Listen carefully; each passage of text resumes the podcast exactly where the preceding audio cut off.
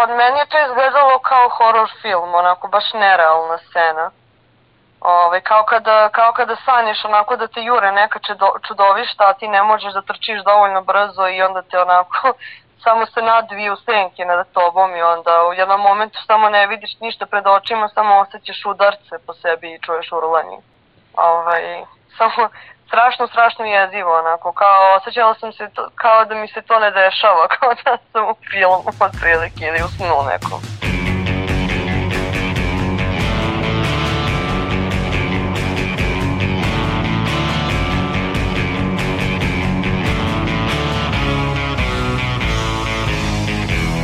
Slušate podcast Reaguj nezavisnog društva novinara Vojvodine. Moje ime je Iva Gajić, a sa mnom su Aleksandra Bučko i Sanja Đorđević. Na podcastu rade i Irena Čučković i Nemanja Stevanović. Ovu epizodu posvećujemo aktuelnim dešavanjima na političkoj sceni u Srbiji. Nakon mirnih protesta sa terasa, prozora i balkona krajem aprila, a tokom vanrednog stanja, sredinom jula eskaliraju protesti i na ulici. Čini se da je moguće zatvaranje Beograda kao jednog od žarišta bilo okidač ljudima da izađu na ulice i iskažu svoje nezadovoljstvo. Iako spontano okupljeni i mirni protest, koji je kao takav i najavljen na društvenim mrežama, na predsednikovu sugestiju da se Beograd za vikend zatvori, ispred Narodne skupštine u Beogradu jedan deo demonstranata je iz prvih redova probio ogradu kod parlamenta i upao u zgradu. Nakon toga su sukobi sa policijom eskalirali i tako je bilo narednih nekoliko sati kada su izvedene na ulicu i konjica i specijalna antiteroristička jedinica ne bili razbili demonstracije. Važan problem pojavio se na ovogodišnjim protestima, to je kršenje ljudskih prava, pogotovo kada smo svedoci batinjanja građana od strane policije, kao i napada na novinare. Razgovarala sam sa novinarkom N1, Jelenom Zorić, koja je prva bila na protestima i sve vreme demonstracija sa svojim koleginicama i kolegama na terenu. Podsjetimo, te prve večeri samo je N1 izvestio o protestima. Zorić objašnjava da nisu očekivali ovakve demonstracije kada su kretali na zadatak, ali i da to ukazuje na veliko nezadovoljstvo građana. Kada smo došli na mesto događaja, snimatelj Aleksandar Crkutić i ja zaista nismo bili e, pripremljeni da će to, ta, nismo očekivali zapravo da će to tako izgledati. E, naime, čuli smo od urednika da se građani da se organizuju na društvenim mrežama, da izraze svoje nezadovoljstvo a, protestom ispred Skupštine ili zgrade predsedništva povodom toga što je predsednik najavio ponovo uvođenje zabrane kretanja za vikend u borbi protiv koronavirusa. Otišli smo da izvestimo, da vidimo ko će se okupiti. Kada smo već e, čuli, tako, dobili informaciju takođe sa društvenih mreža onih live streamova da se već nekoliko desetina ljudi okupilo. I kada smo došli videli smo nekoliko desetina a, okupljenih građana koji su protestovali. A, dok sam se pripremila za prvo uključenje te večeri tu je već bilo nekoliko stotina građana. Zaista za u roku 5 minuta ljudi su počeli da pristižu i videla sam da pristižu i dalje. Moj doživljaj te atmosfere da očigledno e, nezadovoljstvo postoji, da neka kulminacija nezadovoljstva postoji, međutim e, to, ta, to nezadovoljstvo je imalo izuzetno širok e, raspon. Jedni su uzvikivali nećemo policijski čas, ne zatvaramo se ponovo, što je i navedeno na društvenim mrežama kao povod za okupljanje, ali ubrzo su počeli da se čuju pesme Ne damo Kosovo, potom su počeli da, počelo da se čuje skandiranje ostavka, dakle sve je bilo uh, u opticaju, od toga da se bune protiv mera uh, u, zabrane kretanja zbog borbe protiv korone, koronavirusa, do toga da se ne da Kosovo, do momenta da se traži ostavka predsednika države to je taj raspon i to su te frakcije. Evidentno je da je bilo kršenja ljudskih prava. Agresivne policijske intervencije zabeležile su i kamere. Novinarka Jelena Zorić kaže da bi ona volela da na to odgovore nadležne institucije, jer kamera je zabeležila nasilno ponašanje kako demonstranata, tako i policije. Da li je policija kršila prava građana? Ja bih volela da na to pitanje odgovori tužilaštvo i da na to pitanje odgovori zaštitnik građana i sve nadležne institucije. Naše je bilo da zabeležimo i da gledaocima pokažemo slikom šta se dogodilo, dakle kamera je evidentno zabeležila nekoliko slučajeva kada policija, više policajaca recimo udara jednog, jednog demonstranta ili dvojicu, trojicu, kada više njih ih udara pendrecima. Zabeležili smo naravno i momente kada demonstranti i policajce gađaju kamenicama, postoje nadležne institucije koje će davati komentare. Sociolog Slobodan Sađakov smatra da je svaki protest bez jasno definisanih ciljeva osuđen na propast. On naglašava da to može dovesti do demoralisanja građanja te odustajanja od samih protesta. Ljudi su e, generalno demoralisani i izgubili su veru da se nešto e, zaista suštinski može e, promeniti. Ovo jeste sada neka vrsta jeli, erupcije nezadovoljstva. Sada vidjet ćemo koliko će to da traje i ranije smo imali te erupcije e, e, nezadovoljstva.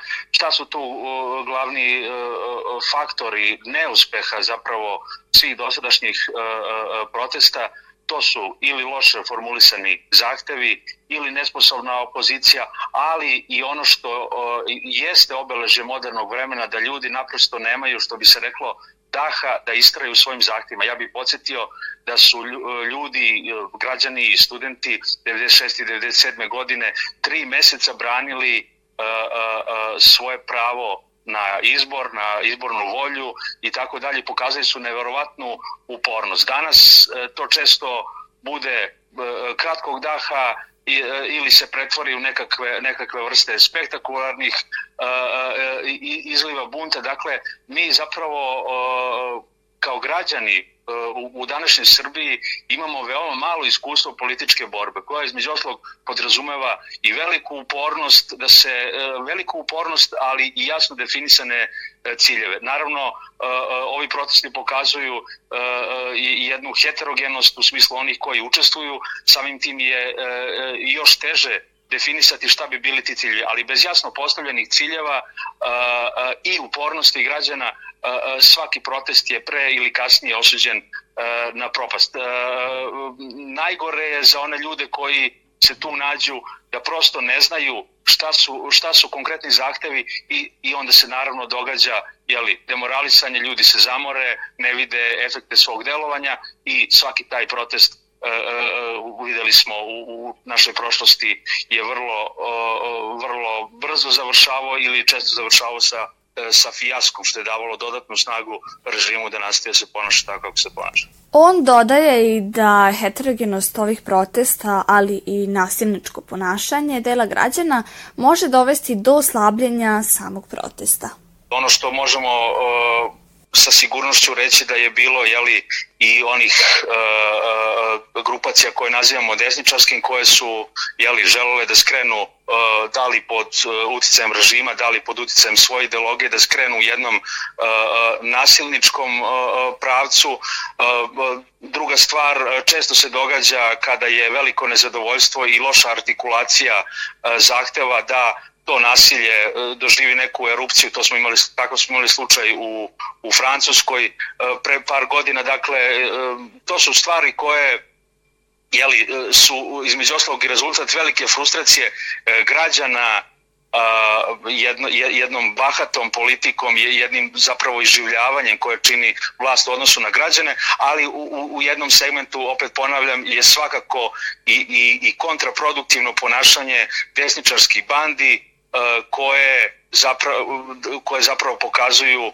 jeli, svo nasilje, svoje ideologije i zapravo to samo e, slabi protest usmerava ga u jednom iracionalnom smeru i to su stvari koje svako treba osuditi. Politikolog Duško Radosavljević, prateći ove proteste, procenjuje da nasilje, iako veliko, samo je odjek malog dela onih koji su došli da pokažu nezadovoljstvo ovom vlašću Ipak, on sumnja da su u pitanju obični građani koji su silu videli kao put ka menjanju trenutne vlasti u Srbiji. Ti koji su u prvim e, redovima, da ne kažem borbenim, ili ti koji su najborberniji, koji prave najveće cirkuse, koji prave, da kažem, najveće provokacije, to su jednostavno one desničarske grupe koje su godinama potpomognute od strane režima u Srbiji.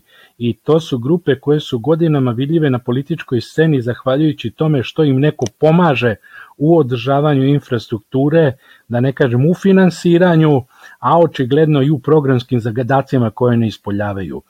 Tako da to nema veze direktno sa nekom političkom ili nekom drugom opcijom koja je izašla da se buni protiv režima. Očigledno, ovi koji su sada, da tako kažem pod navodnicima, najhrabriji, koji su najradikalniji, koji su najprovokativniji, oni tu služe u stvari da razbiju jedinstvo opozicionog i da kažem građanskog protesta koje je u ovom trenutku protiv Vučićevog režima. Znači, s te strane ih samo možemo gledati. To su dobro organizovane huliganske grupe kojima se režim već godinama služi da drži u pokornosti stanovništvo. I sada kada vide da je toliko narodni bunt narastao, jer, jer očigledno da za ovih 8 godina nije režim ništa mogao da ponudi u smislu razvoja države, onda se mora javiti neki koji će i taj bunt da obesmisle. Moraju da se jave oni koji će da opravdaju prekomernu upotrebu organa represije.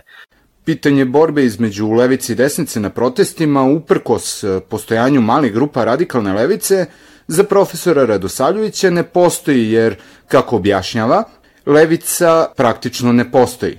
Međutim, on procenjuje da ni kod trenutne opozicije ne postoji neka velika razlika od trenutne vlasti. Pošto je nacionalizam isključiva moda zadnje 30 godina u Srbiji, mi onda imamo da se sa nacionalističkih pozicija tuče Vučić. Mnogo je veći Srbin od njega, pa će provaliti u Skupštini. Šta će onda? Zauzeće 10 soba i šta vladeće Srbijom? Kao da se pravi e, nevešt, da ne vidi neke druge stvari. Ali istina je da se e, najveći deo političkih partija ne želi upustiti u smislenu političku diskusiju oko toga šta sve Srbiji treba. Znači, nemate u politici i u političkim partijama ljude koji se brinu o ekonomiji, koji se brinu o zdravstvu, koji se brinu o javnim politikama, koji se brinu o, o, o sudbini mladi i perspektivama mladi, nego imate isključivo one koji vam počnu pričati o geopolitičkom položaju, jer znaju da cela ta međunarodna situacija, Kosovo i mnoge druge stvari neće se rešiti mnogo, mnogo godina. I zato onda stalno jašiš na nečemu što možeš da, u, u, da, da se uozbiljiš, da izgledaš onako lepo i dostojanstveno koko štunica i da tvoje reči ne znače nikom ništa i da ne znače nikom ništa ni za budućnost i da ne znače ništa za, za, za čoveka koji dnevno ne može kako se zove da izdrži sa 200 dinara u, u životu da preživi. E u toj situaciji mahanje zastavama jedino je produktivno zato što je to jedino i dozvoljeno. Govoreći o sili koju građani mogu da upotrebe u ovim protestima, Duško Radosavljević govori jedino o građanskoj neposlušnosti kao jedini način da se suprotstave sili i represiji samo Gandijevskim otporom. Kad krene neko posvedati dole, pa molim lepo. Ja znam da to jeste priča prvi Rimljani u Koloseumu, ali je ajde da posedamo dole i da vidimo onda koji će to mag policijski naterati onim konjima koji su kupili iz Austrije, koja je Austrija rasformirala svoju konjičku policiju, pa je Srbiji trebalo, pa da vidimo koji će to mag onda reći da gazi ljude. Znači, građanska hrabrost kombinovana sa građanskom neposlušnošću može doneti mnogo više nego sa bakljama koje se bacaju na policiju, a koje onda izazivaju reakciju policije, i tako dalje, ne treba da dozvolimo policiji da ona bude, e, e, mi moramo da imamo politička rešenja u Srbiji, a ne policijska rešenja. Ako imamo policijska rešenja, mi idemo preko ambisa. Znači, isključivo građanski preko ambisa iz koga više nema povratka u političkom smislu i, i, i sluti velika katastrofa. Mora samo da postoji gandijevski otpor, mora da se poseda dole, istovremeno da se osmisle forme građanske neposlušnosti, E, ako treba da se zakrče ulica, ako treba da se zakrče život da stane i tako dalje. Ali u svakom slučaju nikako ne vredi više politika na ljutu ranu, ljuta trava. Za sve one, a obećati naravno svima onima koji su brutalno kršili ljudska prava, koji su prekomernu silu upotrebljavali i ne ničim izazvanu da će kad tad stići pred lice pravde. To jesu građanski metodi. Kada je u pitanju motivacija demonstranata, sa građanima koji su se okupili na protestima u Nišu i Novom Sadu, razgovarala je naša ekipa. Poslušajmo šta kažu novosađani, šta ih je navelo da se pridruže demonstracijama. Zbog čega ste ovde?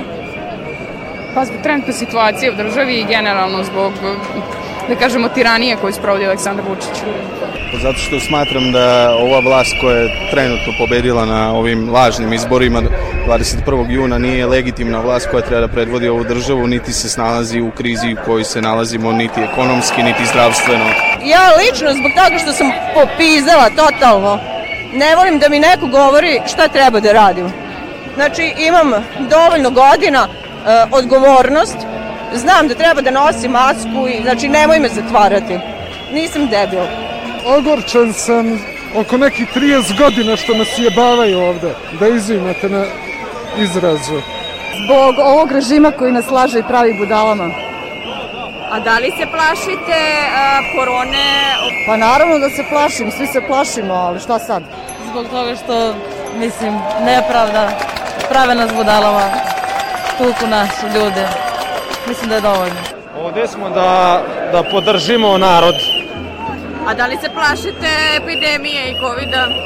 Pa ne toliko koliko vlasti. Osim ekstremističkih grupa koji su takođe bili na protestima, većina građana je odlazila tamo jer im je, kako kažu, dosta manipulacija i obmanjivanja. Poslušajmo i Nišlije. Zašto si na protestu? A, ja konkretno lično najviše zbog obmanjivanja i manipulacijom uh, oko podataka sa koronavirusom ovaj, kako bi ovaj, prosto me iznerviralo najviše to što je zbog volje jednog čoveka, to jest nekolicine ljudi, dovedeno u opasnost životi mnogih ljudi. E, upravo za. Pre svega da bi pokazao nezadovoljstvo i da bi podržao sve ove ljude koji su došli očigledno sa nekim istim ciljem, da jednostavno pokažu nezadovoljstvo celim kompletnim sistemom koji već duži niz godina radi sve kako bi uništio i ovo malo države što je ostalo. Da iskažemo bunt protiv ove vlasti koja, koja očigledno da radi nešto što, što niko do sada nije radio. Zatvaranje u kućama i tako dalje i tako dalje.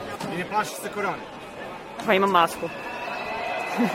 Plašim se za dobrobit e, starijih ljudi, ljudi sa zdravstvenim problemima. Ja mislim da je ovde većina ljudi mlado i, i zdravo i da naravno biće posledica od ovoga, to sam siguran, ali mislim da je trenutno uh, strah i nezadovoljstvo uh, prema uh, vlastima preovladalo. Znaš, jednostavno kad ponese to je to, nema tu nazad. Ako protestujemo sigurno i bezbedno, nema potrebe da se plašimo ako svi nosimo maske, ako nismo u okolini mnogo ljudi, sklonimo se malo sa strane i sve će. Pa vidite, ovde su 95% mladih ljudi. Koliko ja vidim, ovde ima 90% sa maskom. Evo i vi ste sa maskom. To je dobro, mnogo dobro. Znači, ali mora taj bunt nekako da ovaj mladi narod iskaže i ovo. Iako Radosavljević kaže da je rešenje građanski otpor, kako smo mogli malo ranije da čujemo, bili smo svedoci da to na ovim protestima nije bio slučaj ni sa jedne ni sa druge strane. Gotovo svi predstavnici opozicije tvrde da su bili napadnuti. Lider Narodne stranke Vuk Jeremić napadnuti od strane demonstranata. Lider pokreta slobodnih građana Sergej Trifunović takođe je napadnuta za povredu glave koju je zadobio okrivljuje pristalice Levijatana. Lider Dveri Boško Obradović za svoje povrede optužuje optužuje žandarmeriju. Nasilje što od demonstranata, što od policije pretrpeli su i novinari. Tako je novinar Bete Žikica Stevanović napadnut od strane pripadnika žandarmerije uprkos tome što je rekao da je novinar i pokazao legitimaciju. Fotoreporter Bete Miloš Mišlikov zadobio je povrede glave kada ga je pogodila cigla koja je doletela iz grupe demonstranata. Osim verbalnog nasilja i fizičko nasilje su pretrpeli i novinari radio televizije Srbije, Al Jazeera, Nove.rs, N1, Pinka i Nina. Ako pričamo o povređenima ove proteste, zabeležila je prekomerna upotreba sila od strane policije. Julija Lazić, učesnica je protesta koja je zajedno sa svojim momkom gasila suzace kada su izbili neredi. i samo je krenuo juriš ove žandarmerije ovaj, na sve. E, I mislim naravno prvi instinkt je kada vidiš da neko trči ka tebi da te ubije da trčiš. ovaj, mislim uspeli smo da trčimo možda nekih 100 metara, došli smo do dela Tašmajdana gde onaj deči park i tu sam se ja sapala o žardinjeru i pala. Ovaj, sve sekunde, pošto su strašno brzi, iako su pod potpunom opremom i oklopom, okupilo se njih 15 oko mene, pa sam zadobila jedno dva udarca u glavu, ali se dečko odmah bacio ovaj, preko mene da me zaštiti, te su onda, onda jedna polovina njega udarala po glavi penderecima, dok su mene udarali po kolenima, mislim, sa namerom da, ovaj, da mi je sakate noge, da ne mogu da, da hodam, da trčim, ovaj, da bežim to je trajalo neko vreme dok smo mislim, normalno vrištali, molili da prekinu. Nije nam niko prišao zato što su ljudi izbezumljeni, bežali mislim na, na sve strane, svako je gledao da, da sačuva glavu na ramenima. Ovaj, e, i u jednom momentu su popustili, onda me dečko pod, podigao i ne, nekako smo uspeli ovaj, da otrčimo do, do kuće pošto nam je bila blizu i onda nas je drugo odvezao u urgentni centar. Te noći, kao i skoro svake posle nje, zaposleni na urgentnom centru imali su pune ruke posla, jer osim pandemijom morali su da se bave i posledicama nasilja na protestima. Da, baš tu noć kada smo došli bio je prepun isprebijanih ljudi. Ovaj, znači, koji su i mnogo gore prošli od nas, to su bile polomljene ruke, noge, otvorena lica, glave razbijene. Julija je dobila povrede nogu, njena kolena su naduvena i otežano hoda i stoji. Njen partner završio je sa blažim potresom mozga. Ipak ne kaju se zbog toga i planiraju da izađu na proteste čim se dovoljno oporave. Ja se naravno ne kajem apsolutno ni za šta. Jedino što sam naučila iz ovoga jeste da se ne odvajam od velikih, velikih grupa ljudi i da ipak otvorim četvoro očiju i da se pazim mnogo više nego što ovaj, sam se pazila. A motivacije za izlazak na protest su naravno ne samo kao što strani mediji prenose da Srbi protestuju zbog policijskog časa, to je zapravo to su zapravo problemi na mnogo više nivoa. To, problem je što je to vlast koja nas je, nam je mesecima ove, plasirala lažne informacije o svetskoj pandemiji, lažne informacije o broju umrlih, broju zaraženih, onda su proglasili pobedu nad koronom ovaj, naravno pred izbore, organizovali derbije sa po 20.000 ovaj, ljudi, otvorili ceo grad, pravili se kao da se ništa nije desilo i naravno par dana posle izbora narod je stoka, ovaj, sad je sve još gore nego što je bilo, korona u punom jeku, opet policijski čas, ovaj, kao da mislim ljude možeš da zatvaraš u kući kao životinje, da im ne daš da izađu na ulicu, da se prošetaju, da, da udaknu ovaj, svež vazduh, tako da je to bila motivacija za izlazak na protest. Luka Mihajlović iz Beogradskog centra za ljudska prava kaže da u zavisnosti od toga kakva je sila primenjena, policija bi trebalo da primeni sredstva prinude kojima će da odbije nečiji napad. Od zvaničnika smo dobijali izjave, pa znate kako, uh, oni su napadali policiju, pa onda policija morala da uzvrati.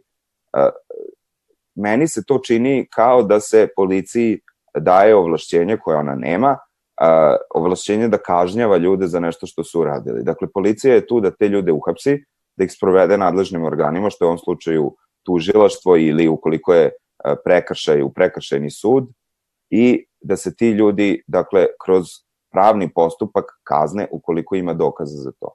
Nije, uh, nije zadatak policije da te ljude na licu mesta kazni za nešto što su oni uradili 10 ili 15 minuta ranije.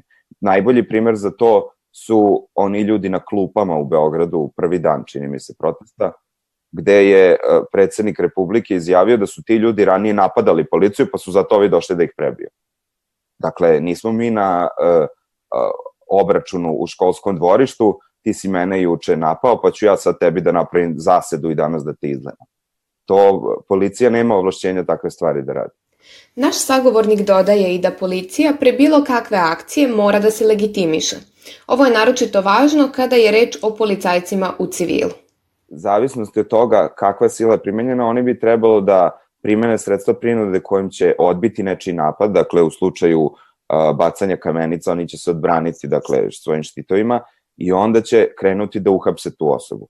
Uh, u trenutku hapšenja policajci bi trebalo da primenjuju silu koja je neophodna da se savlada otpor ili da uhvate nekog ko je počeo da beži. Dakle, ukoliko osoba na kojoj policija krene, stane i podigne ruke i kaže, ok, to je to, sad me uhapsite, policija ne bi trebala nikakva sredstva prinude primenjava, odnosno o, trebalo bi da, da ga one sposobi u smislu da ga uhvati za ruke, zavrne mu jednu ruku iza leđa ili mu stavi lisice i odvede ga u policijski automobil. Ukoliko osoba beži, policija bi trebalo da primeni sredstva prinude da ga uhvati, to bi značilo najbolje da da ga uhvati rukama, ali ako to nije moguće, onda da ga udari palicom, ali ne tako da ga udari u glavu ili u leđa, nego, na primjer, po nogama, da ta osoba padne i onda e, i onda da e, ga uhapse tako što ćemo staviti, na primjer, lisice ili one plastične vezice što smo videli da stavljaju često Kada je zaštita od napada policije u pitanju, Mihajlović objašnjava da iz svedočenja i priče ljudi koji su napadnuti nije moguće uočiti određeni tip ponašanja koji je provocirao policiju. Jer, kako kaže, tu su bili ljudi koji su sedeli u parku, a koji su napadnuti. Oni jesu bili na demonstracijama, ali ništa nezakonito nisu radili. Ja mislim da je to uh, glavni problem uh, policijskog zlostavljanja, ovih pojava policijskog zlostavljanja koje smo videli na protestima je taj što postoji jako mnogo slučajeva ljudi koji su nakon što su pretučeni samo ostavljeni da leže. Dakle, to su ljudi koji nisu privedeni, što nam govori da oni nisu vršili nikakva nezakonita dela. Ukoliko je to tako, e, postavlja se pitanje uopšte koji je osnov primene e, sredstava prinude prema tim licima. Ukoliko ona nisu trebala biti privedena ili uhapšena, zašto, zašto su uopšte tučeni. Naša sagovornica advokatica Milena Vasić iz Komiteta pravnika za ljudska prava Jukom preporučuje onima koji su privedeni po krivičnom ili prekršenom postupku ili je nad njima upotrebljena nepotrebna prekoračena sila da se jave za besplatnu pravnu pomoć ili opštinama u kojima žive, Jukomu ili nekim organizacijama koje ovakav vid pomoći pružaju a ne isključeni Međunarodni sud za ljudska prava ukoliko domaće sudstvo ne uradi svoj posao. Tu jednostavno je neophodno zaista i tu vidimo zapravo značaj imanja nezavisnog tužilaštva koji će ispitati svaki od tih pojedinačnih slučajeva a, gde je policija prekoračila silu i procesuirati učinioce, bez obzira da li su oni pojedinačni izglednici ili su davaoci naređenja. I to je nešto što prosto je nažalost s obzirom na položaj tužilaštva u Srbiji trenutno e, stvar političke volje. Znate, mi smo imali e, mi smo imali više puta u prošlosti primjenu sile od strane policije i to nikada zaista samo u nekim sporadičnim slučajevima izuzetno je bila utvrđena utvrđeno prekoračenje sredstava prinude uglavnom je bilo bez ikakvog rezultata, jer procesuiranje policije i primene sredstava prinude od strane policije je uh, još uvek, nažalost, u domenu političke loge. Ovime završavamo 19. epizodu podcasta Reagu i nezavisnog društva novinara Vojvodine, u kojoj smo govorili o još jednim protestima za vreme vladavine SNS-a i pandemije. Da biste bili obavešteni o našim najnovijim epizodama, prijavite se na naše kanale na iTunesu, Stitcheru, Castboxu, Sounderu, Google podcastima kao i na sajtu podcast.rs. Ocenite naše sadržaje i naravno pišite nam ukoliko imate neki komentar ili sugestiju. Naša mail adresa je podcast.ndnv.org. Ukoliko želite da nas podržite, to možete učiniti na sajtu donations.ndnv.org.